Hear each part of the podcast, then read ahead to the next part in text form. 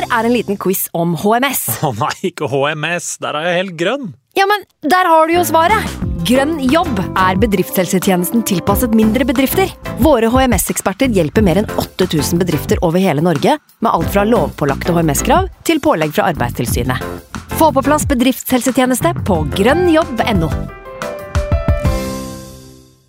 Hallo? Jeg kommer fra Oslo politikammer. Ine Jansen er purk. Er du purk? The motherfucking bitch. Alt jeg vil, er å finne ut hva som skjedde med mannen min. Jon Carew. Er jeg sikta for noe? Iben Akeli. Det er du. Ole So, Lars Berrum og Big Daddy Karsten. Hvem sin side er du på, egentlig? Anette Hoff, Tone Danielsen, Kommer du fra Afrika? Jørnis Josef, Nesten. Kløfta. Trond Espen Seim, Det er synd å si det, men det var feil mann som døde. Purk. Premiere tirsdag på TV2 Play. I can't believe it. Football, bloody hell.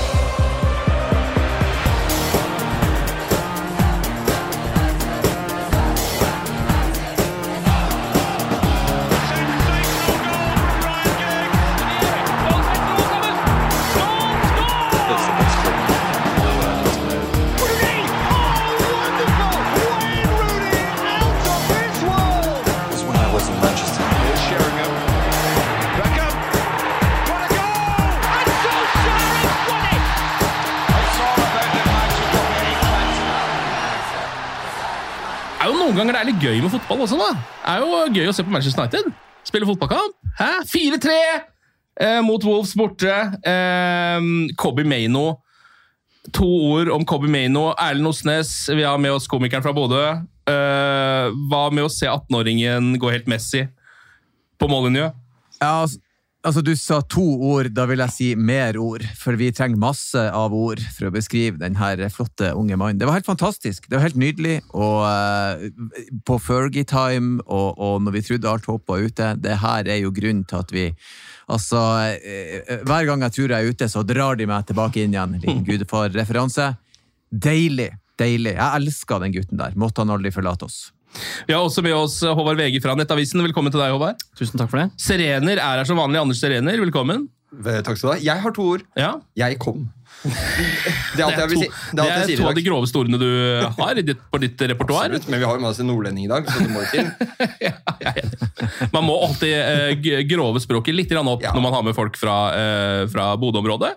Ehm, men eh, altså, eh, vi har sett Kobi Maino gjøre mye. Vi har skrytt mye av Maino. Nå skal vi ikke bare snakke om han i dag. Det er mange som spiller en uh, OK-kamp som vi skal snakke om. Men man har sett mye av repertoaret hans, og det har stort sett liksom vært snakk om ro. Eh, at han er veldig god til å se den enkle pasningen. Spille framover, alle de tingene der. Uh, Altfor rutinert for bare å være 18. Men, men trodde dere han hadde dette på repertoaret? Altså det målet der? Nei, rett og slett ikke. Jeg har sett noen sånne klipp fra akademifotballen, som jo selvfølgelig er noe helt annet enn det som er seniornivå. eh, Hvor han har hatt disse Pogba-aktige glidningene framover i banen. Eh, Men jeg hørte også at Ten tag sa etter kampen at eh, han hadde villet se mer av Maino, mer på en måte at han tar mer et grep om kampen.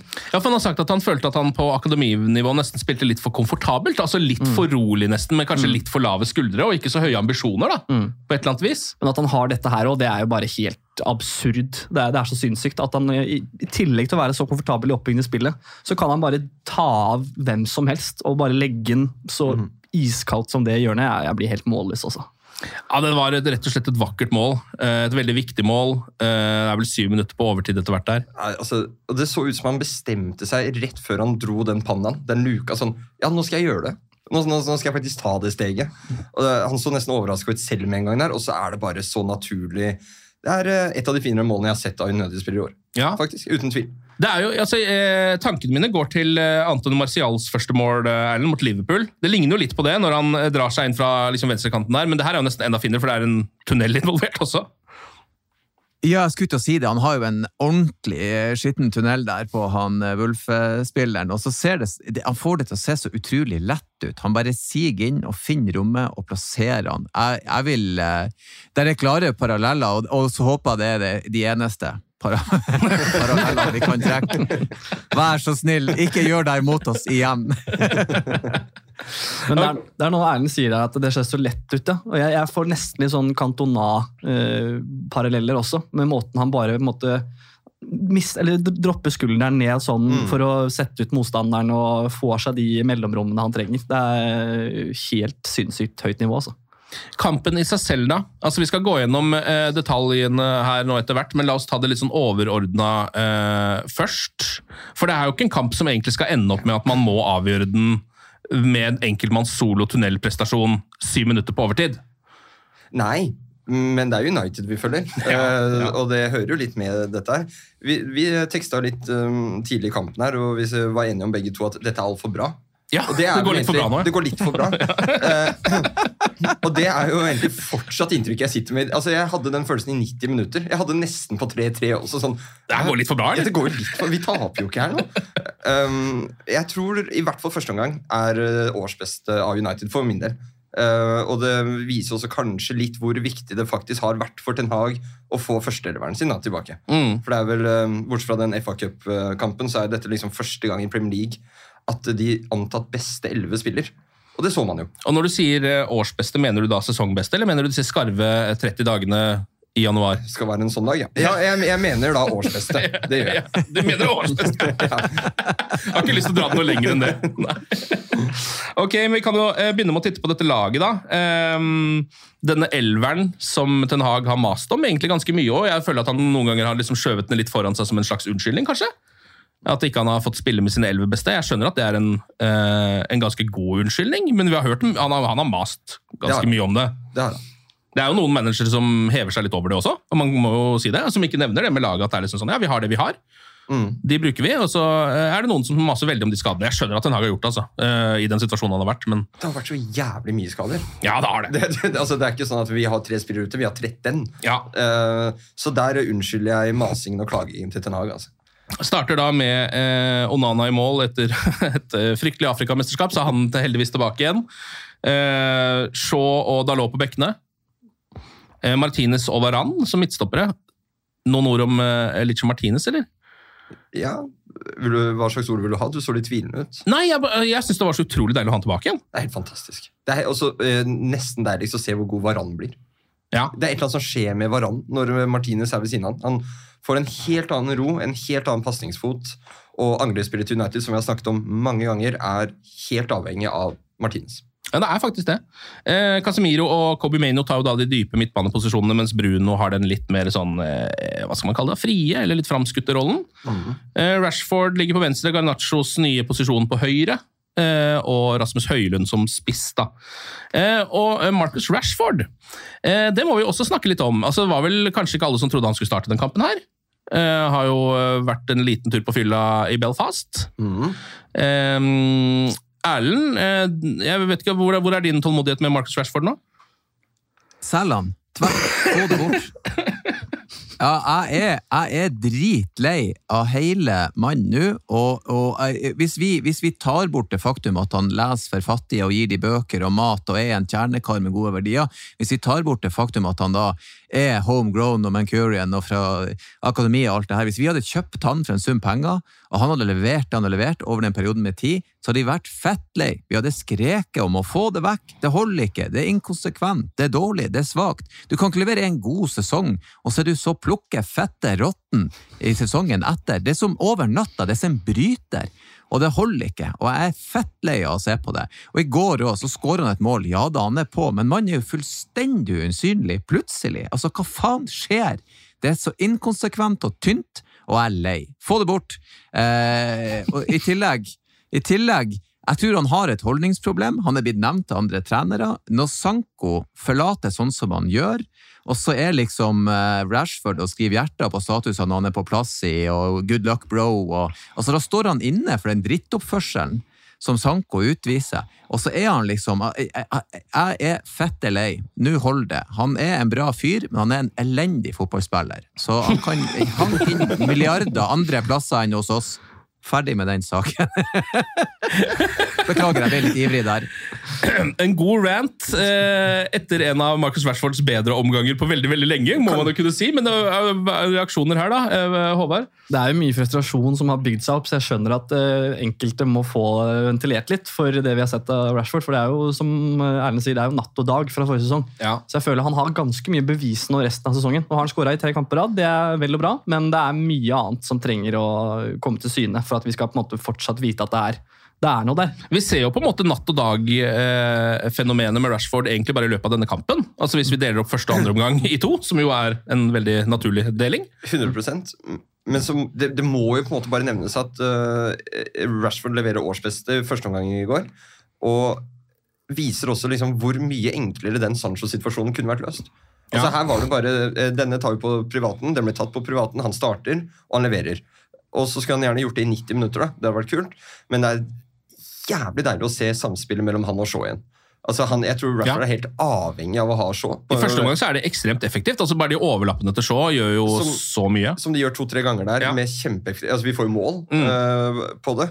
Men en så god spiller for å, for å backe mannen uh, stuck i uh, stormen Idun uh, der oppe Hva er det den stormen heter? Ingunn. Ingun, Ingunn En eller annen dame. Um, altså det, det, det, holder jo ikke. Det er jo det som er problemet. At Vi får 45 gode minutter, og jeg lar meg begeistre.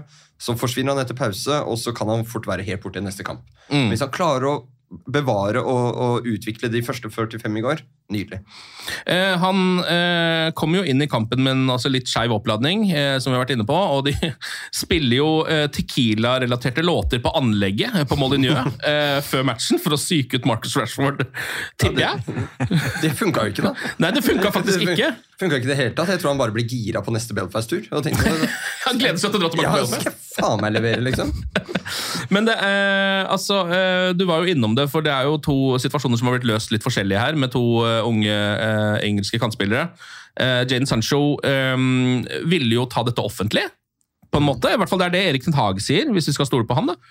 Ja. og Derfor så ble det som det ble med han. Mens Marcus Rashford gikk inn på bakrommet sammen med Erik Den Haag, ifølge altså, så vidt det man har hørt, hvert fall, og sa rett og slett da bare unnskyld, ansikt til ansikt. Mm. Og så Da begravde Ten Hag den saken. På pressekonferansen etterpå så var det bare sånn Nei, det er det vi har å si om den saken. Den er død og begravd. Den er løst. Den er løst, ja. ja ja, men, men, men, hvor mange sånn her er død og begravd skal vi ha? Altså, det er jo ganske sånn sikre kilder på at Marcus Rashford omgir seg med dårlige folk. Han har den her broren sin med seg enhver sammenheng, og en manager som skal suge penger av klubben. For det er det managere er. De er pengesugere. De håper at de skal få flytte på spilleren, for det genererer gryn, penger og annet. Så hvor mange ganger skal vi godta det her? Han har jo allerede blitt satt ut på grunn av at han ikke kom og ikke møter. Altså, det er jo ikke snakk om en unge lenger. Han er jo ikke tenåring, han er jo ikke tidlig i 20-årene. Han er jo godt over midten av 20-årene. Det er på tide å, å slite fingeren ut av ræva og stikke den i jorda. Hvem er det du er, Markus? Altså, Er du en vinner, eller er du en fyr som har et talent du skal skusle bort? Så jeg blir litt sånn her, ok, vi, Det er forskjell på han og Sanko, men han blir en sånn fyr som har skjønt at jeg sier bare unnskyld, så går det her over, og så drar jeg til Belfast neste helg. Og det er litt irriterende. Ja, ja. Jeg kan se, jeg liker litt at du, i hvert fall, det jeg liker litt at kritikken nå kommer på en dag hvor United har vunnet og Marcus Rashford har skåret. For det ville vært veldig typisk. skjønner du hva jeg mener? Da føler jeg at det er lov å komme med sånn type kritikk i en helt annen uh, rekkevidde da, enn det er de gangene vi alltid gjør det, som er etter en smell. liksom. Så, hver andre episode. Ja, hver andre episode.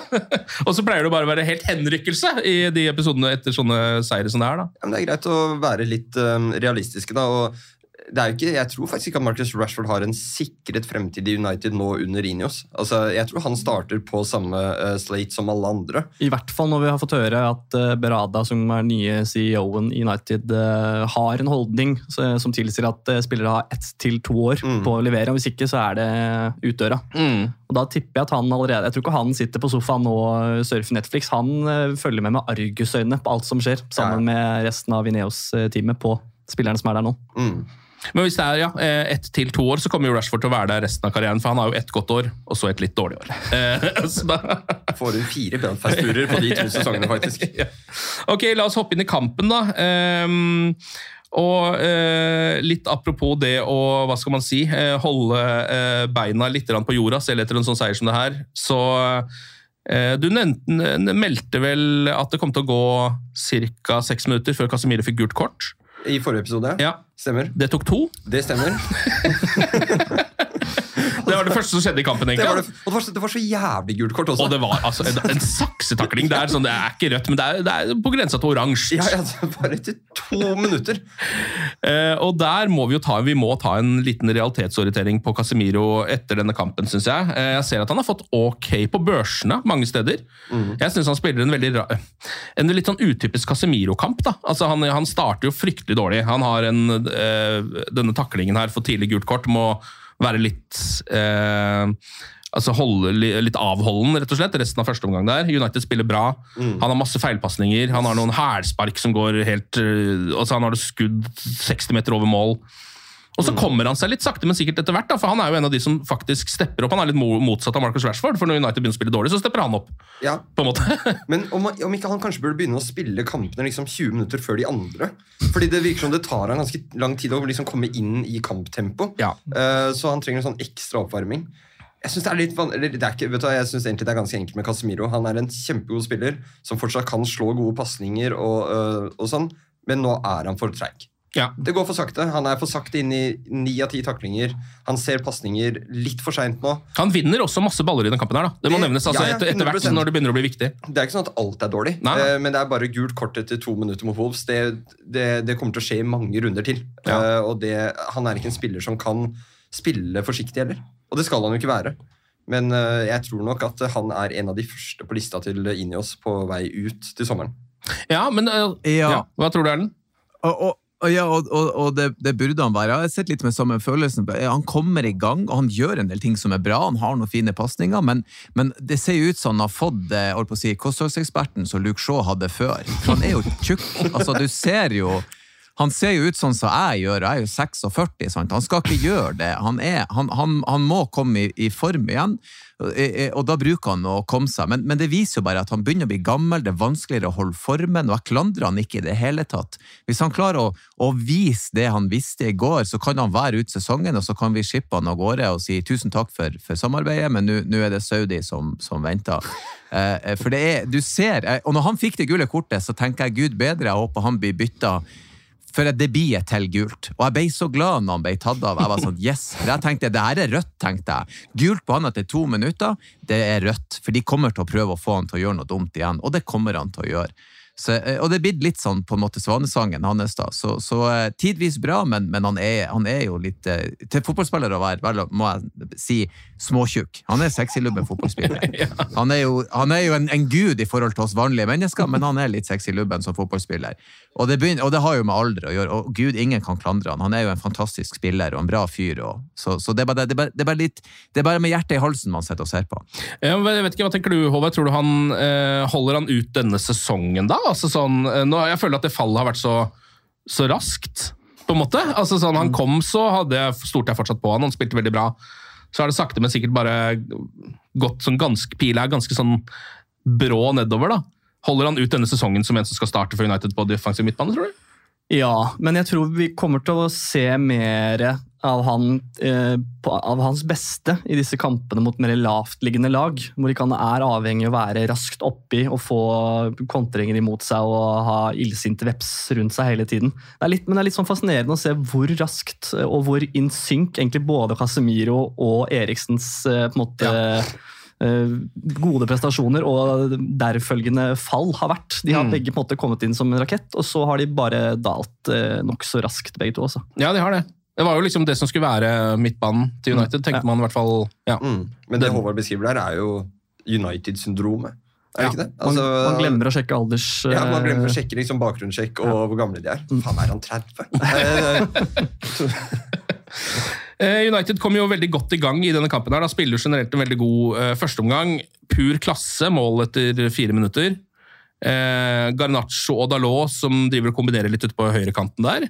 Eh, Dalot slår en stikker inn i 16 mot Bruno, som hopper over den bare. Det var så elegant. Ja, det er nydelig. Den ble liksom ikke nevnt så mye, men den, den, det, er, ikke et overhopp engang. Det er en sånn en dummy. En Ja, fake. en- ja. Altså, så sykt sexy når spillere gjør det der. En kroppsfinte, rett og slett. Eh, og la ballen bare gå eh, til Høylund, som da står med ryggen til. Eh, der er han jo jæskla sterk.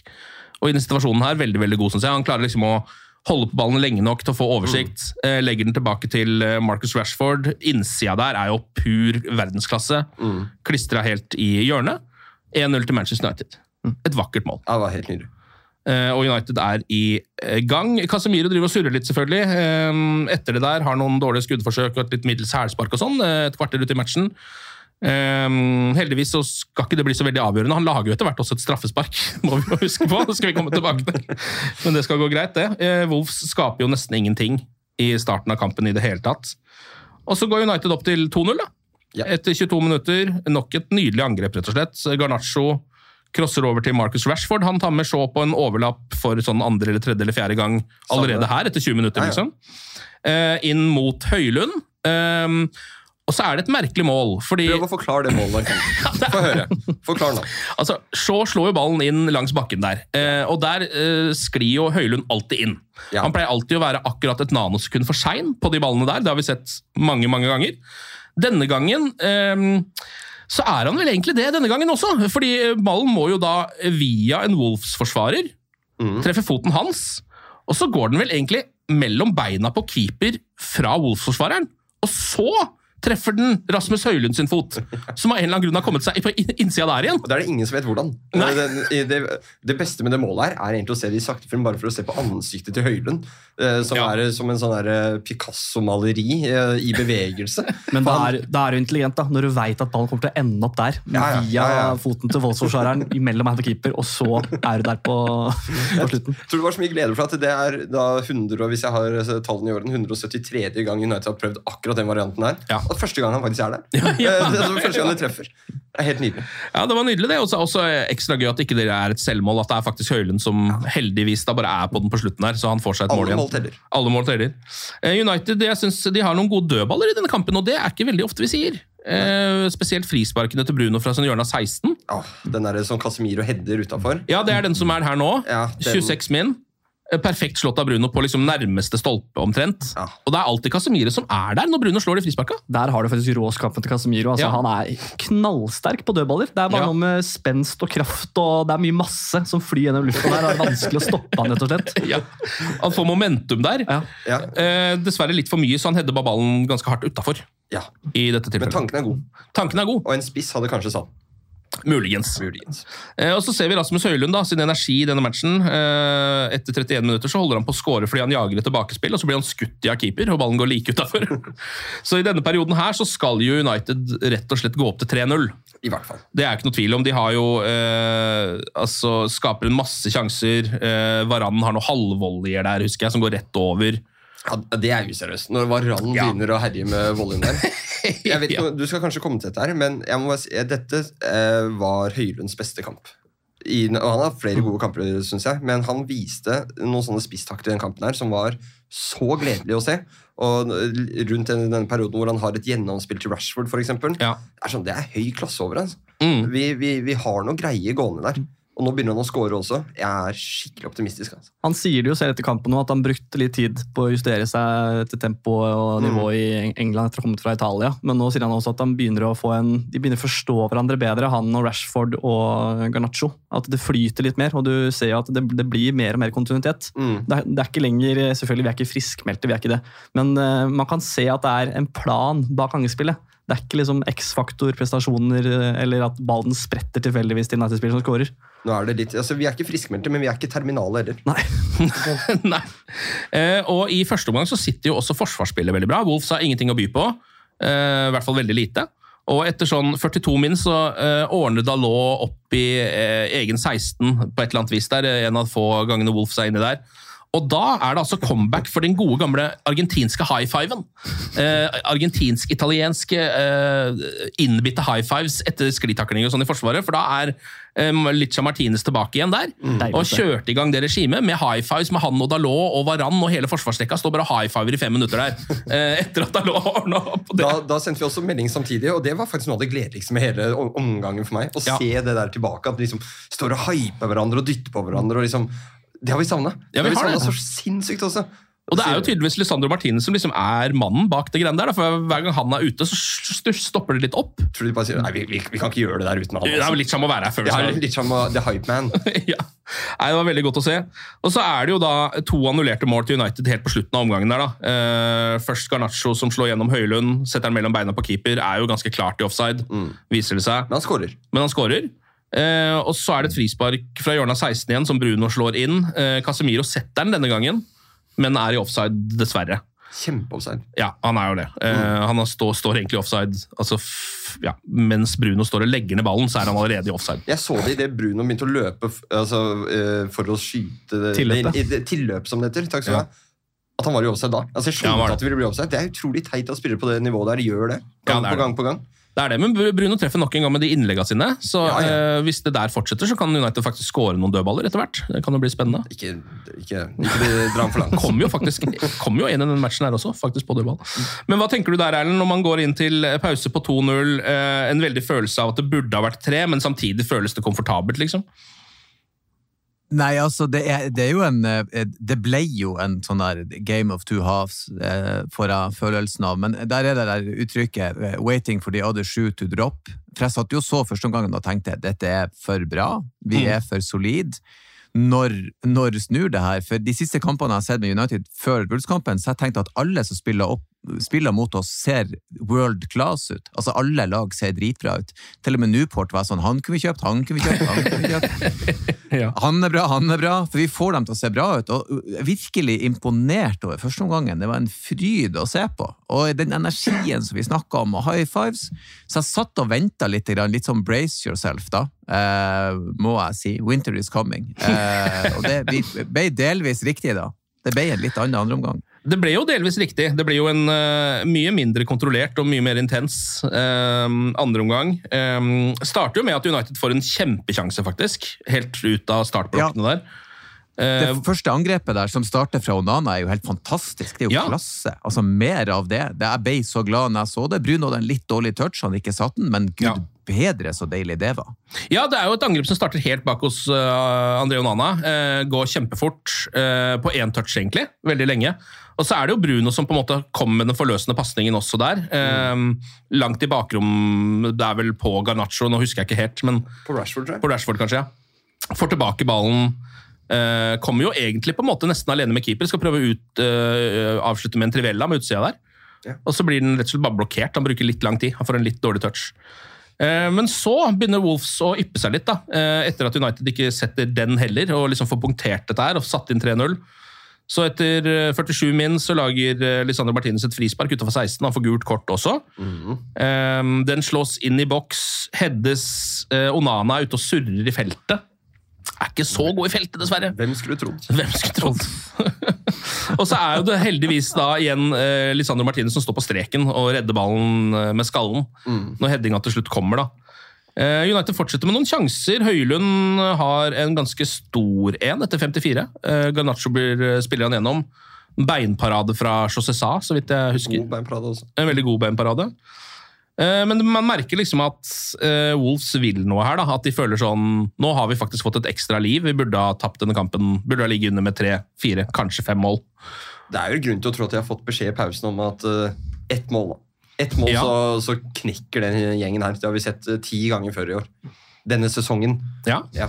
og det, ja denne sesongen, ja. Men, men hvis, vi, hvis vi, vi, vi Kan vi gå litt tilbake? Det er en liten elefant i rommet. Det er jo Onana som igjen prøver å ta livet av en motspiller med kroppen. Og faktisk faktisk akkurat det han gjorde mot Wolves i åpningskampen. Det stemmer. Eh, når han ser jeg, Altså Han er sånn, jeg er for seint ute, nå skal jeg bare prøve å drepe han her mannen i stedet. Men jeg skjønner ikke. Og det der er jo, hvis vi er ærlige, straffe. Altså Det er jo helt sinnssykt det han driver med der. Eh, Jeg var så sikker på at ok, her, er, her, her får vi smell, nå kommer straffa, og så går alt til helvete. Det var det jeg tenkte. For eh, det der er jo helt vilt, og jeg fatter ikke er det, Noen av dere som har kompetanse på keepere, jeg, jeg er bare en sofafan, men, men sånn som jeg ser det, så det er grov feilvurdering, helt på trynet. Det må jo ta slutt. Ja, og jeg er enig i det. Det er jo det. Det er jo rett og slett Snakker vi nå om kjøp av On- Onana? Eller bare akkurat denne situasjonen. Nei, jeg, jeg, har ikke, jeg har ikke keeperkompetanse, jeg har ikke fagkompetanse på noe som helst der, egentlig. Men eh, må, den store elefanten i rommet for meg er Onana generelt. Jeg, jeg, sitter liksom og, og, og argumenterer for han i forskjellige chatgrupper og med kompiser hele tiden, men jeg, blir utrygg av å se han bakerst der. Ja. Jeg føler ikke at han har den stoiske roen. Han er god med ballen i beina, men ikke så god heller om dagen. eh, med Nei, beina. altså mot Wolf han skaper et par-tre sjanser Ikke at han er liksom nest sist på ballen, men så han starter et par-tre angrep. Så spiller han bort et par-tre. Ja, han gjør Også. kanskje det òg. Ja. Men kan han gjøre noe med noen av målene da, i denne kampen? Det er et Ja, han kan ikke klandres for noen av de målene. Det Nei. kan han ikke. Det sy- syns jeg ikke. Nå, eh, det er mer en generell usikkerhet jeg har rundt han. Han, han, han lyser ikke stoisk ro for meg. Nei, han gjør jo ikke det. Uh, han er, men han er, ja, han er jo en offensiv keeper. Det. Jeg tror jo liksom Altså, uh, I hvert fall i den kampen her så er det uh, opptil flere angrep og opptil flere liksom, mye av spillet til United som rett og slett bare liksom, uh, pendler rundt Onana. Av en eller annen merkelig grunn. Men det er jo det, da. Det er vel derfor Ten Hag vil ha han der òg. Highs and lows. Ja. Jeg, jeg, jeg syns jo vi, hvis vi, ikke for å bli historieløse, men vi var ganske misfornøyd med Digea når han kom også. Så jeg syns Mm. Onana skulle få et år hos oss. Men jeg er jo enig med, med Serener. Jeg er jo livredd noen ganger. Jeg tenker, Hva faen er det du holder på med nå? Altså, Det er jo skikkelig skummelt å se på. Eh, så, så jeg vet ikke om noen kan snakke med han og si Han må i hvert fall slutte å drive og, og, og med UFC i egen 16-meter. Det går jo ikke an. Så, så eh, gi han tid, men jeg, jeg blir veldig veldig nervøs. Han er enig, og jeg håper han kan bli Han virker litt sånn vill. Litt sånn, sånn eh, Ja, han, han, må, han må slappe av litt, rett og slett. Ro deg litt ned.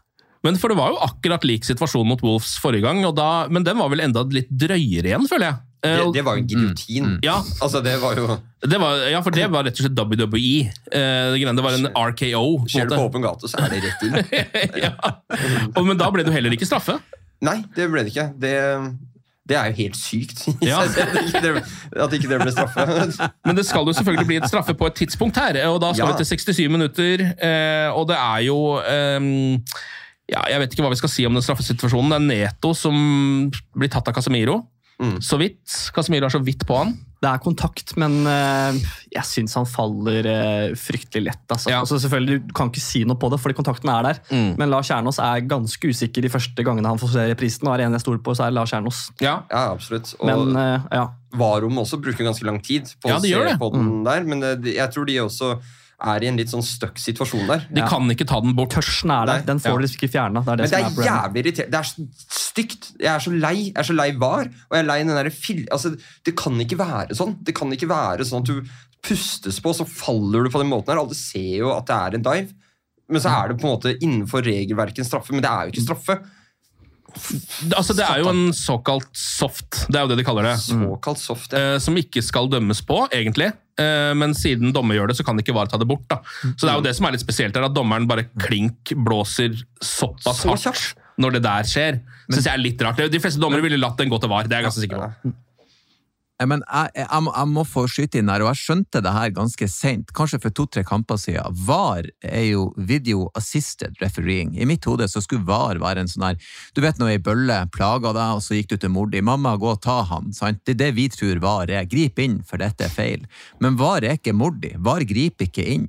De skal bare se på om det er en clear and obvious. Det er fremdeles dommeren som dømmer. Og her er den bitte lille kontakten, og det, det der har jo ikke vært nok til, til å, å dytte over en kattunge engang. Det er så vidt det er kontakt, men hvis kontakten er der, så er det ikke feil. Og da er det den der jævla det dildoen av en dommer som, som altså, eh, han, Neto han skyter jo ut føttene som noen skulle ha strøm i ræva på han. Det er jo helt sykt.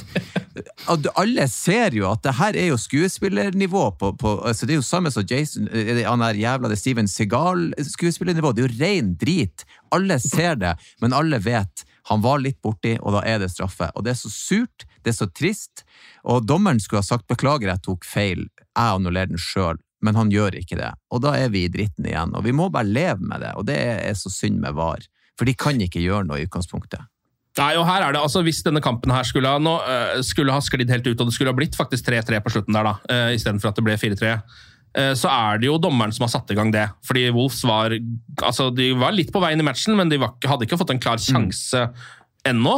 eh, sånn ordentlig, i hvert fall. Eh, en redning på streken av Lisandro Martinez, da, men allikevel. Jo, jo, men altså, spillet var jo Kampen var i Uniteds favør. Ja, og og Uniteds hender. De Ja, satt med denne kampen og hadde kontroll på den. Wolves var down and out. Det må noe sånt her til for at denne kampen her skal begynne å snu. da. Eh, og så kan United selvfølgelig skylde på seg sjøl, for de burde ha leda med flere mål på dette tidspunktet. Uh, og så videre og så videre. Casemiro må ta litt av skylda for at han faktisk er borte på en spiller inne i boksen. Uh, men allikevel så er det liksom sånn, de er så softe, de straffene der, da, at de skal være med å liksom kunne bikke en kamp i en eller annen favør. Det er litt irriterende. Det er kjempeirriterende. Sånn er det bare. Sarabia setter den ganske greit, han. Midt i mål. Onana går jo til en side der før han har begynt på tilløpet sitt også. Så det, Ja, men det gjør jo nesten alle keepere. Det, ja, ja, nå er jeg bare ute etter å ta den. Ja. ja. ja, men det er, jeg synes det er litt merkelig der, fordi det er jo nesten ingen keepere som står på straffer lenger. Eh, og sånn som eksempel Mohammed Salah sliter 75 av straffene sine midt i mål. Mm. Går inn hver gang. Og så har keepere helt slutta å liksom veive med armer og sånn. Det er det veldig lite av. Det hadde jeg blitt kjempestressa. Men, men de står liksom bare stille, og så bare går de før de har begynt på tilløpet sitt. Det hadde jeg fått til å sette, jeg også. Det er som en sånn sekk med poteter som bare står der, og akkurat idet dommerne blåser, så bare vipper de en eller annen vei. Og bare ligger der, og så kan du sette den i det andre hjørnet. da. Det er nesten det som det er Alle keepere gjør det. Altså, det hadde vi på Petter Belsviks fotballskole da jeg var barn. Så tok vi straffe på en sånn keepermaskin som bare gikk Ja! fra side til side. Og så var um, I finalen så fikk man ta straffe på uh, Torstvedt. Satt hun, eller? Jeg bomma som faen. Vet du hvor svær han er, eller? Ja, du, du, du er liksom elleve 11 år, og han dekker hele Jeg tror jeg gråt etterpå. Jeg. jeg er ganske sikker på det, faktisk. Eh, United gjør et par bytter etter 72 minutter, eh, rett etter at Wolves har gått opp til 2-1. Casemiro blir tatt ut. Det er sikkert greit. Nå kommer Wolves til å presse på ganske mye. Han har gult kort. McTominay kommer inn. Skal vise seg å være viktig, det òg. Som alltid. Rashford ut, Antonin. inn. Det skjønner jeg ikke, altså. Nei. Nei, nei, nei. Det sitter en griseklar Amal Diallo på benken der, og han har vært ute og lika noen tweets på Twitter eh, som har klaga over at han ikke har fått sjansen. og sånt. Det selvfølgelig skal han jo ikke gjøre, men hva er det Antony gjør når han kommer innpå der? Nei, han holder jo på å fucke det ordentlig opp, da. Eh, dessverre, det er jo det han gjør. Nå skal jeg vokte mine ord her, men jeg klarer ikke mer. Altså, han, han har ikke én bra involvering uh, i det inn- innhoppet der. Og han er direkte skyld i det ene målet. Mister ballen og soser det til. Og den ene, Det ene innhoppet vi har fått sett av Ana denne sesongen, som var i en uh, cupkamp for en del runder siden, så så han jo bra ut. Altså, Han hadde kombinasjoner, og det så sånn Oi, det blir spennende å se mer av han. Aldri får vi se han igjen. Og jeg, eh, nei, jeg skal, igjen, skal være forsiktig, men Anthony han er, eh, han er en frustrerende spiller å se på. Jeg tror nok eh, til Ten Hags forsvar så setter han han vel inn her for at han løper hjem mer enn Rashford gjør. Tror jeg. For, for han blir jo også værende på venstrekanten. Og det, Ja. det var litt rart. Jeg forventa at han og Garnaccio skulle bytte posisjon, men Mm. eh, han er nå blitt en venstrekant. Sikkert bare fordi det funka, på en måte. Eh, eller det gjorde jo ikke det. Det men, ikke det, men, uh... men han hadde ett eh, løp hjem der, eh, Anthony, hvor han eh, er hjemme og sklitakler. Sånn ved egen 16 et sted. En ganske viktig takling også, så vidt jeg husker. Mm. Så jeg skjønner det litt. Det er bare at han, han, han spiller en ordentlig stinker. altså Det er ener på terningen, på en måte. Eh, men jeg kan forstå tanken til Erik Den Haga likevel på å sette han inn. Hvis det gir mening. Jeg er Frykt, fryktelig enig med Serena her. Altså, Anthony, Jeg satt og så kampen med sønnen min i går, og eh, han gjør akkurat det samme hver gang. Han er altså så forutsigbar i spillet sitt at det er ondt å se på. At vi betalte eh, Jeg holdt på å si vi, nå gjorde nok ikke jeg det, da, men han kosta jævlig mye penger. Det der er en stink sandwich, og vi, her må vi bare ta en L og si at eh, takk for laget, men du må ja, vi må ha noen andre. Og hvorfor ikke, hvorfor ikke en ung akademispiller i stedet? Ja. Eh, for det der greiene der, altså. Eh, og så beklager, og det her er ikke hans feil, men det ser altså så usympatisk ut, eh, det fjeset der. Og det hjelper ikke når du er dårlig. Det hjelper ikke. Jeg beklager, og det er ikke hans feil. Hadde han vært fette god, så, så hadde det vært artig. Men han har Edersen-fjes. Det ser ut som de stjeler julekapsler på fritida. Og da blir det sånn når han gjør det dårlig. Sånn er bare livet. Eh, og, altså, jeg var ikke så forsiktig som deg, Anders. Nei, det er fint, det. det, er fint. Nei, det, men det begynner, og jeg, altså, har prøvd å forsvare Antony så langt det har gått. men det går ikke lenger, faktisk. Nei, akkurat nå så går det ikke lenger. Nei. Og det, det, er, det er veldig rart å se at han får så mye tillit også. Og det Ja. å komme inn i den kampen her øh, Nå var jo Rashford løpt tom, for han hadde faktisk disse returløpene i Noen av de. Noen av dem, liksom, av- som var overraskende å se. Og jeg skjønner at du må få inn, inn øh, noen nye friske bein og sånn, men han Forsen, da, for eksempel, Mm. som også kommer inn da, etter hvert, det er jo også en potensiell høyreving. Uh, han leverer jo med en gang. Han har gjort det i de få innhoppene han har hatt. Eh, Han får en assist, han. han får en assist, ikke sant? Og eh, som, jeg vet ikke om du har det kanskje i notatene også, at det Maino-målet hadde aldri skjedd uten han, for han åpner nettopp det rommet der ved å ta et løp. Virker en, som en smart spiller. Tror ikke Anthony hadde tatt det løpet Forsen gjør, som åpner for Maino der. Nå bare sier jeg ting, for jeg hater Anthony. Men, eh, men, eh, men det, er faktisk, det er faktisk helt sinnssykt at vi sitter med en spiller til 80 millioner som, som faktisk ser ut til å bli dårligere for hver kamp. Men hvis vi er på krigsstien allikevel fra før av, så vil jeg bare slenge inn at eh, se på Anthony når Kobi Maino scorer eh, på overtid der. Det er Anthony som er nærmest Kobi idet skåringen skjer. Anthony har helt stoneface og lar Cobby løpe av gårde mens resten av lagkameratene kommer ville og jublende etter. Så kommer Ja. Anton og gir en lite klapp på hodet, og så er det stoneface tilbake. og liksom... eh, Altså, Hvor er gleden, hvor er entusiasmen? Hvis du først er- eh, ikke leverer, så kan du i hvert fall prøve å vise at du vil levere. Du, du prøver ditt beste. Jeg ser ingen spiller som gjør alt du kan, emosjonelt eller prestasjonsbasert, for å lykkes United. Hvis vi skal til en spiller som gjør alt han kan, både emosjonelt og prestasjonsbasert eh, Scott McTominay, som jo nettopp har kommet inn, han skårer jo selvfølgelig på corner, han. Ja. Eh, første United-mål på corner siden 1985. Eh, har jeg, står det i notatene mine her. Eh, og det er jo helt utrolig at det skulle skje. Eh, er det første touchen hans på, på, på ballen, eller? Det er liksom Han kom inn for et halvannet minutt siden, eller sånn, han skårer der. Ja, det kan ikke være mange tør. Har du hørt med din venn Seb Brynestad, i, leder i Scott McTomneys fanklubb? Lever han? Har han det bra? Han er så vidt i live, i eh, men han kunne ikke bekrefte om det var den første touchen. Nei, okay. Nei, nei, riktig. Dessverre, og når ikke Scott McTominay-fanklubben vet det, så er det vel Nei, det, ingen er, som det er vanskelig å finne de tallene. Altså. Eh, Men det var i hvert fall et viktig mål. Eh, Scott McTominay skårer der. 3-1. Akkurat idet 2-1 har kommet, Mm. og man begynner å uh, tenke at her kan det bli litt uro. Det motsatte av hva alle United-sportere trodde skulle skje på en måte, etter, eh, etter det første Wolves-målet. Ja. Nei, At det skulle skal gå med cornermål. Scott McTominay. Og der kan vi snakke den euforien du etterlyser hos Anthony. Eh, For når Scott McTominay skårer, da, da skal gleden ut. Da smeller det, ja. Da smeller det. Og det skjønner jeg litt der, fordi det er jo en glimrende corner fra Bruno, eh, rett på skallen til Scott. Eh, Og det ser ikke ut som Scott egentlig er helt klar over hva som skjer. Han får, det er liksom Ballen treffer bare hodet hans nesten, Ja, ja. og spretter i bakken, og så bare opp i Det er hjørnet null der. Ja, det, han står virkelig bare der. Ja, ja, han står der. men det, men det Men han skal ha for å ha, på måte, ha hodet klart, da, for det er jævlig vanskelig når ballen kommer og spretter rett ned bak en annen spiller som ikke rekker den, Ja. og være bevisst på at ok, her kan det komme en ball som jeg kan prøve å angripe. Det, det skal han ha. Han har spisskompetanse der, altså. Teft for mål. Teft for mål. Han har det, han har en utrolig målteft til å være Scott McTominay. Han er jo toppskåreren vår. Ja. Han er toppskårer. Eh, Onana får gult kort for drøying etter 77 min. Det er klart det. Eh, det er for så vidt greit nok, det, fordi eh, her skal det jo eh, spilles en del fotball, så det er kanskje greit å roe det litt ned. Ja, det skal skje mye her. Skal skje mye her, skjønner du. Eh, Wolves skårer jo selvfølgelig også etter eh, corner, da. Eh, 85 minutter spilt. Det er vel Kilman som til slutt er på den. Masse greier. Eh, en corner, masse surr. Et brassespark av Craig Dawson i tillegg, som eh, skaffer ballen lenger fram. Ja.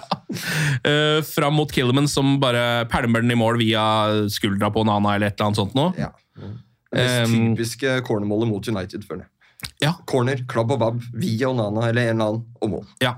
Det er sånne mål som man ser blir skåret mye mot United, som jeg føler United veldig sjelden skårer selv. Ja, ja, ja. Eh, men sånn er det nå en gang. Eh, Ten Hag føler at han må gjøre noe grep her, gjøre et dobbeltbytte. Eh, Høylund går ut, Forsen kommer inn. Eh, Licha Martinez går ut, og Harry Maguire kommer inn. Mhm. Eh, som jeg tenkte da at egentlig var ganske smart, fordi det skal pumpes mye i boks, og Maguire vinner jo masse av de duellene. Det gjør han jo også, beviselig, i denne matchen etter hvert. Så, ja, jeg, jeg stussa veldig over det byttet, men det var før jeg skjønte at uh, Martinez hadde fått seg en skikkelig smell. Det hadde han òg, for vi så bilder av han etterpå, så hadde han altså en voldsom ispose på foten.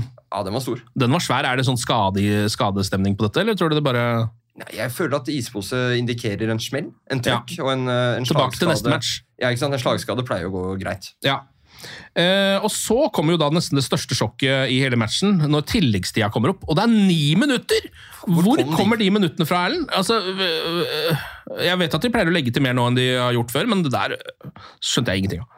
Ja, men, ja, Vi skjønte absolutt ingenting. Ni minutter. Jeg, jeg hadde sett for meg fire, altså Ja. Mm. til nød fem. Men, men vi satt jo og gjetta hvor mye blir det, skal vi klare det her? Og så ni minutter. Jeg kan altså ikke forstå Det var jo ingen store skader, det var ingen store ting som skjedde. Folk som lå ned lenge og fikk behandling. Så det der er et av verdens store mysterier. Det var det der straffesituasjonen mm, når VAR var inne der, og jobba vel med den i kanskje 45 sekunder. Mm. Men det var vel det- altså, også, Sikkert noen folk som lå nede, det var masse bytter og sånn, men ni minutter, jeg ble helt sjokkert av det. altså. Ja, er ja, men det var- ren korrupsjon. Ja, men det var bare rart. Eh, og det skal jo ha ganske mye å si, for det betyr jo at eh, Wolves har ganske god tid på å skåre 3-2. Som jo akkurat på dette tidspunktet i kampen er det eneste som kan skje, fordi de kjører så voldsomt på. United virket dritstressa, rett og slett. Eh, Evans kommer inn for Garnaccio, bare for å få inn enda en stopper inn der. Og det første som skjer, er at han får en kjempesjanse etter en kort corner, og United broderer seg liksom inn i feltet der. Ender opp med at eh, Evans avslutter eh, fra sånn fem meter på, på Sa, som lederen. Um, og så kommer den situasjonen du nevnte tidligere, Anders. Eh, 94 minutter spilt, Antony mister ball etter corner. Her er det flere ting å ta tak i. En ting er at det er dårlig å miste ball uh, i det tilfellet der fra Antony. En annen ting er at Ten Hag har sendt opp både Maguire og Evans, i hvert fall. på corner. Mm. Etter 94 minutter når du leder med ett mål. Det er korrekt. Det syns jeg er kjempemerkelig. Og så blir det kort corner. Og så blir det kort corner også. Hva? Du har liksom putta alle forsvarsspillerne dine inn i boksen og så gjør du en kort corner og mister ballen. Der skal du jo ha bryteren på ultradefensiv på Fifa. Og bare la én mann stå i boksen, og så spiller du den kort, og så slår du langt tilbake. Ja, ja. Og holder ballen i laget. Eller den gode gamle rumpa til nede ved hjørneflagget. Ja, Altså, det- det- hvor har det blitt av den? Ja, den, den savner jeg, altså. Jeg savner rumpa.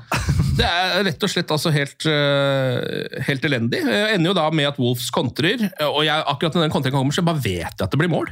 Jeg veit ikke hvorfor, jeg bare vet at det skal skje når Neto får ballen der. For jeg vet det før corneren. på en måte. Altså det, ja, men det, det var et eller annet som så veldig rart ut da, med hele lagformen. Eller hele liksom hvordan de var stilt opp der. Og Ja. jeg, jeg, jeg klarer ikke å tro at Ten Hag har liksom ropt opp både Maguire og Evans. Nei. Jeg har lyst til å tro at det er dårlig kommunikasjon de imellom, og at Ten Hag ikke får fram en beskjed. eller noe sånt. Men det der er, det er Uansett hvem det er som bestemmer så er det taktisk hjerneblødning. Ja, det er Fra, fra alle Ja, fra alle, fordi om, Fra alle. Altså, om Ten Hag sier det, så er det jo én ting, men det tviler jeg på at han gjør. Så jeg føler jo at det er noen spillere som tenker dette her sjæl, da. Og de må jo se på hverandre. Og det er når Maguire titter på Evans, og hvis én går fram, så blir den andre tilbake igjen. Ja, altså? Så enkelt er Står de liksom bare og stirrer på ham, så bare Her skal, skal du. Skal du opp? Skulle jeg vært Eller at, Nei, det er veldig det er, eh, det, Sånn kan du ikke gjøre på det nivået her, da. Og det ser man jo. Ja, og det er jo derfor United slipper inn så mye mål, for det er mer sånn surr enn det er hos mange andre Det må være lov å si. gode lag. da. Eh, det er jo Neto som til slutt får ballen litt sånn på høyre, litt sånn utafor 16-meteren. Eh, Drar den over på venstrebeinet sitt, banker den i nærmeste mellom beina på hverandre, og Nana er helt utspilt. Og så er det 3-3, da. Eh, Og man tenker vel at der er den kampen slutt. Eh, Og United har rota bort en seier hvor de egentlig bare allerede burde ha punktert sånn 4-5-0. Tenkte du at kampen var slutt, eller at dette kommer Wolves til å ta? Nei, jeg tenkte at dette her blir, det, dette blir det. Dette blir det. Ja. Jeg frykta veldig tap, jeg, for det er så typisk, liksom. Ja. ja, jeg bare føler at det blir, det blir litt for mye igjen. Altså det, det, det, hadde, det hadde jeg rett og slett ikke takla, tror jeg. Så jeg, jeg orka ikke å tenke på det. Så kommer jo drømmemålet da, fra Kobi Maino. Eh, 97 minutter spilt. Plutselig så er man glad for at det er ni minutter overtid igjen. Langt uti Fergie-time. Eh, liten tunnel. Rykker inn fra hjørnet av 16-meteren. Curler lavt helt nede i hjørnet. Første målet hans i Premier League. Mhm. Eh, Første Premier League-assist for Forsen, som får en assist på den der. En liten støttepasning som starter det hele. Ja, ja. Det er jo veldig deilig. Ferdigskåra. Det er litt sånn den der kjente assisten til Busquets til Messi. Ja. Hvor han faktisk bare triller den én centimeter. Ja, og Messi dribler ni mann og setter den Ja, ja, men altså, det, er, det telles.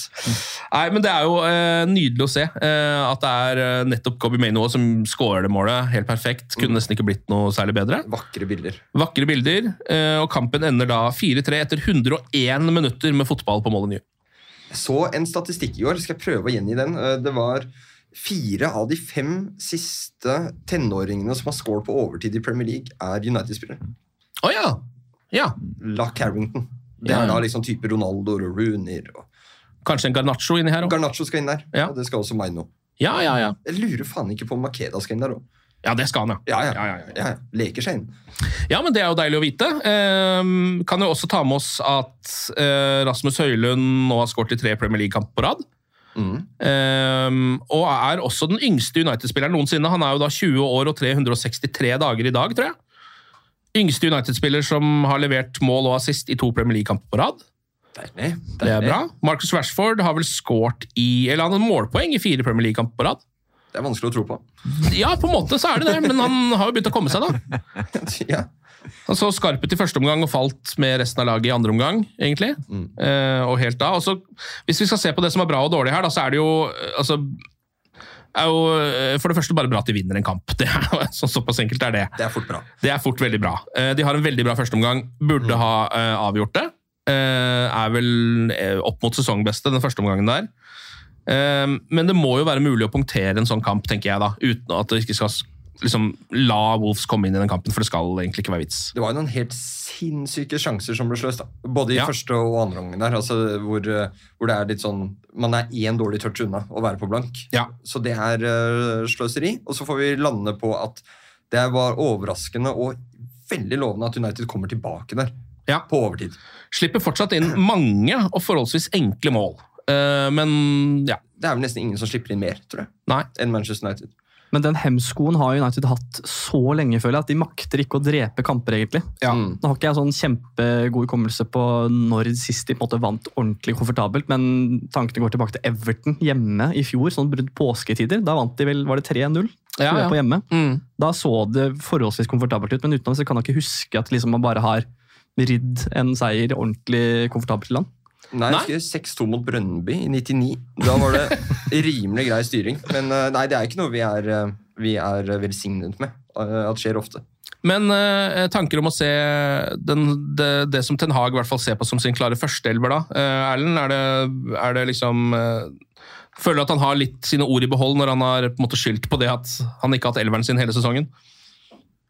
Ja, det syns jeg faktisk. Eh, Den første omgangen var veldig veldig fin, og den andre omgangen, når de, de, de, de, blir litt stressa og kommer litt under press, men jeg syns på en måte de klarer å Jeg tror nok jeg har skuldrene høyere enn de har, og så prosjekterer jeg litt av mine følelser til dem når jeg ser på. Eh, For når jeg ser oppsummeringa, så ser det litt roligere ut enn sånn som jeg husker det. Så, Og det er, se, det er godt å se spillere som Luke Shaw tilbake igjen, og Casemiro òg. Det er godt å se han tilbake igjen. og det er, det er, Så jeg tror nok han, han har et poeng, og vi har jo jeg kan ikke huske noensinne ha hatt ei sånn skaderekke over såpass mye tid, og enda er jo ikke alle tilbake igjen.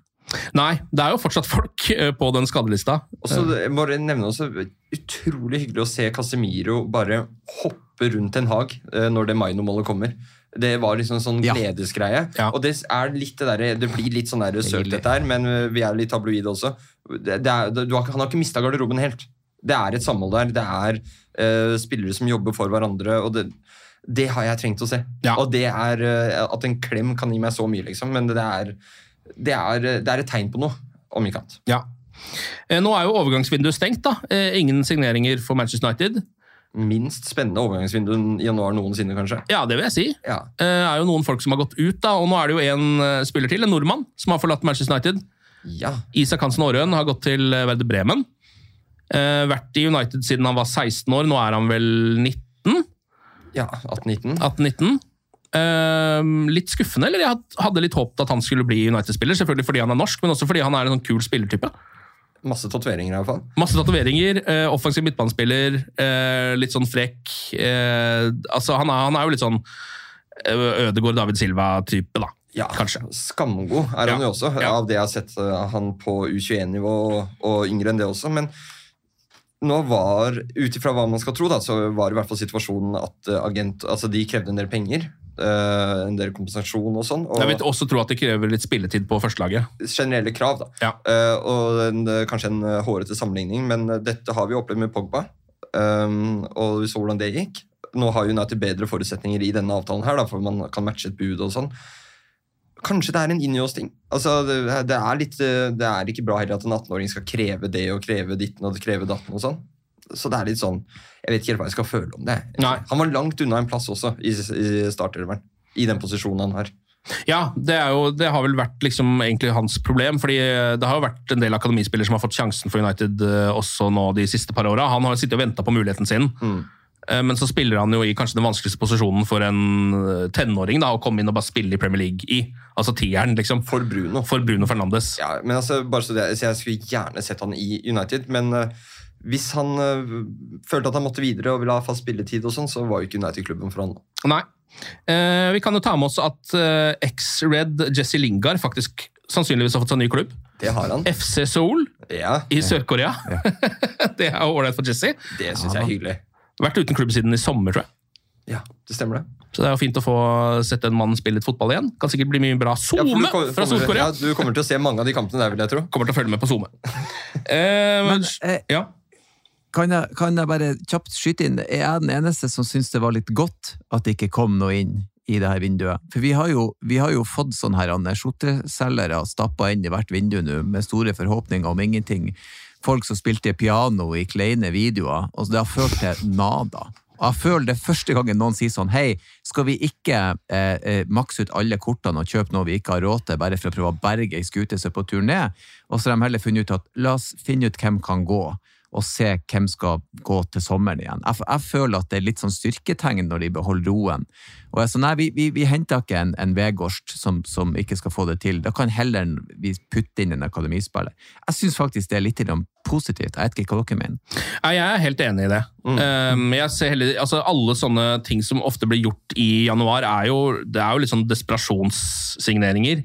Alltid. Uh, og United gjør nok desperasjonssigneringer, føler jeg selv, bare på sommeren. på en måte. Så det er litt greit å stå De over de. bare det, Ja, de gjør for det meste. Nei, det er helt klart. Så Unntaket er jo liksom Evra og Vidic. Ja. Eh, Det er herrens mange år siden. Januarvinduet er jo ikke et bra vindu. Det har ikke vært det på lenge. Og nå er jo United i en situasjon hvor FFP puster litt i nakken. Bruno kommer vel også i januar, gjorde han ikke det? Eller tar jeg Det har du helt rett i. Ja, ja. Ja. Mm. Nei da, så historieløs er jeg også. Men eh, nå er det på tide å liksom bare få litt kontroll over sakene, tror jeg. Ja. Og da kan man ikke begynne med flere utgifter nå. Du ser det er en trend også i Premier League. De hadde brukt x antall eh, milliarder kroner mindre dette januarvinduet kontra tidligere sesonger. Mm. Og så syns jeg det er mye bedre å se si Omari Forsen da, få sjansen, enn en uh, halvveis uh, Chupamoting som vi ikke vet hva vi kan få av, eller uh, si Benzema. Jeg tror det hadde gått uh, rett skeis, altså. Jeg hadde solgt drakter. Det hadde vært uh, kjipt. Eh, vi kan jo ta med oss at Erik Den Haag fyller 54 år i dag. Eh, Nei da. jeg tror det. Herregud. Grattis med dagen og bold is best. Så hans bursdag husker du, men min, den, det bare forsvant helt. Jeg husker ikke din, nei. Det er, det er sant. Eh, Men vi må jo nevne en annen manager også, helt på tampen her. José Mourinho har jo vært i et intervju med Daily Mail. Ja, eh, Hvor han snakker om at eh, han vil gjerne tilbake til Manchester United igjen, som manager eh, og sjef. Han har unfinished business. Hva er det for en business? Han har Kan jeg bare få lov til å sitere Anders Sereners tweet om denne, denne hendelsen her, dette sitatet? Eh, unfinished business. Hva da? Skal han tilbake for å drepe Luke Shaw? det er noe av det det er det morsomste jeg har lest på så lenge. altså. Det er det eneste jeg ser for meg at han kan ha for seg. Altså. Det er hans unfinished. Luke Shaw lever fortsatt. Han sitter og ser at Luke Shaw leverer på banen. It's not on my watch. Men altså, jeg er jo eh, Det er en av mine svake punkter som eh, fotballsupporter. Jeg er helt ekstremt glad i José Mourinho. Det er jeg også. Det, det tror jeg de, eh, det er vi alle. Men han er bare ikke så glad i fotball lenger, virker det som. Han er litt lei av fotball. Han er litt lei av fotball. Eh, Jeg har veldig lyst til at han skal bli Liverpool-sjef. Det har jeg lyst til. Det er min store At du bare imploderer for han på Anfield. eh, på et Litt sånn hemmelig agent det. Ja, litt sånn, eh, Det er det som er hans unfinished business. Hva med deg, Erlend? Hadde du tatt tilbake Mourinho og Paul Trafford? Eh, nei, og det har eh, mest å gjøre med at jeg fikk oppleve han på et par meters hold her i Bodø. Og han er en sur gammel josskuk, som vi sier her nordpå.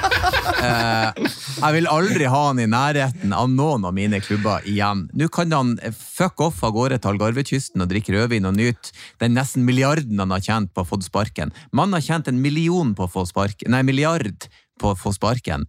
Eh, Nå kan han begynne å bruke litt av de pengene. Eh, nei takk. Hvor mye var det han tapte der i Bodø igjen, med Roma? 6-1. Ja. Men Jeg skjønner jo da at ikke du er imponert. Men hva er verst her? Altså, Mourinho tilbake til United, eller at vi henter Knutsen? Ta Mourinho tilbake.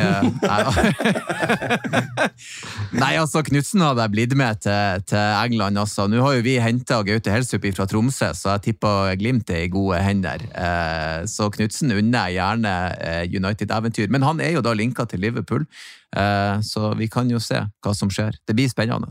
Ja, det hadde vært noe. Det hadde vært noe At det. trenerkabalen nå er Kjetil Knutsen og José Mourinho. Til, eh, det er herlig. Ja, det er herlig. Ok, eh, Neste Manchester United-kamp er på uh, søndag allerede. Uh, hjemme i Premier League mot Westham klokka tre. Mm. Noen som har lyst til å komme med et slags resultattips? eller? Jeg tipper gult kort på Casemiro innen fire minutter. og en eh, komfortabel 2-0-seier til United. Og slippe ikke inn mål? Nei, for Det er så lenge siden vi har vært på hjemmebane. Jeg, jeg, t- eh, føles det ut som i Premier League. Jeg Ja. føler at det kommer til å bli en greie nå. Ja. Fortet skal gjenoppreises. Eh, Håvard? Jeg tipper vi tar det 2-1. For det kommer til å være ganske mye revansjlyste spillere etter dette forsmedelige tapet på London Stadium. Ja? Erlend? Utfordringa med det her er jo det at vi kan jo aldri lenger ta noe slags form for håp ut ifra en seier med oss videre. For det er jo så sykt vilkårlig hva som skjer i neste kamp. Så vi kan Det er jo egentlig motsatt. At de si sånn, taper yes. annenhver. Ja. Å ja, ja, ja, det, det er jo tap som Og så er det jo sånn typisk med Westham og det er det Hammers og der, det er litt grann skummelt.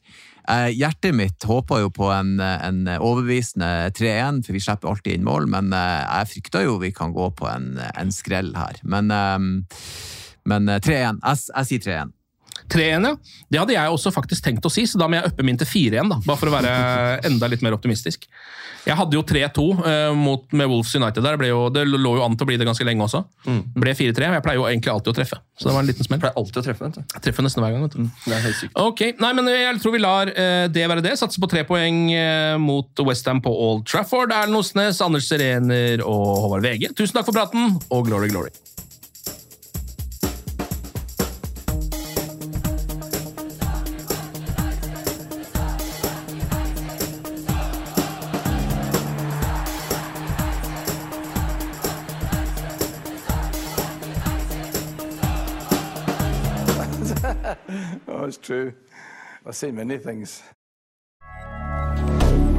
Moderne media. Ukens annonsør det er matkasseleverandøren Hello Fresh. Der kan du velge mellom 25 ulike oppskrifter hver uke, eller få Hello Fresh til å sette sammen en meny for deg.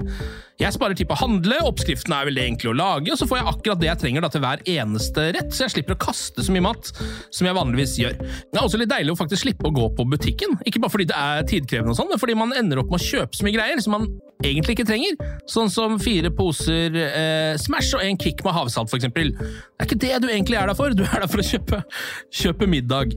Så det er en veldig eh, kjekk ting. I tillegg så er det jo eh, ferdigporsjonerte ingredienser, det blir mindre matsvinn, og du betaler bare for det du faktisk trenger, og det du faktisk da spiser. I tillegg så blir det da levert på døra.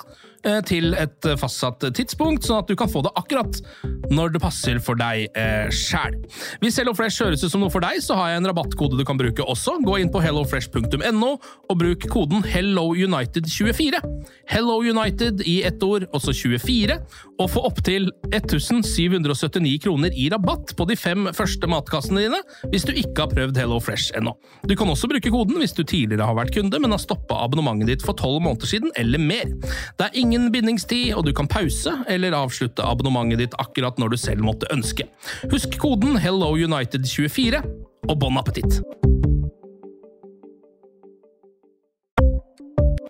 Ukens annonsør er Folio, en smartere banktjeneste for deg som har en egen bedrift eller ønsker å starte for deg selv. Folio er en superenkel nettbank for bedrifter. Som kunde i Folio får du en bedriftskonto med et bedriftskort og app. I denne appen er det smarte løsninger som forenkler regnskapet ditt, uansett om du har en liten bedrift eller et enkeltpersonsforetak. Folio er både intuitivt og brukervennlig, og er laget med et enkelt språk. I tillegg tilbyr de forutsigbare priser og ingen skjulte gebyrer. Skulle du likevel trenge det, så kan du snakke med deres raske og hyggelige kundeservice, og der får du prate med en faktisk person og ikke en chatbot. Folio er med andre ord både enklere og koseligere enn banken. Over 10 000 bedrifter har allerede valgt Folio som sin banktjeneste, så besøk folio.no og se hvordan Folio kan forenkle din hverdag også. Har du et enkeltpersonforetak eller en liten bedrift? Da er du sikkert lei av å høre meg snakke om hvor enkelt det er med kvitteringer og bilag i fiken, så vi gir oss her, vi. Fordi vi liker enkelt. Fiken superenkelt regnskap.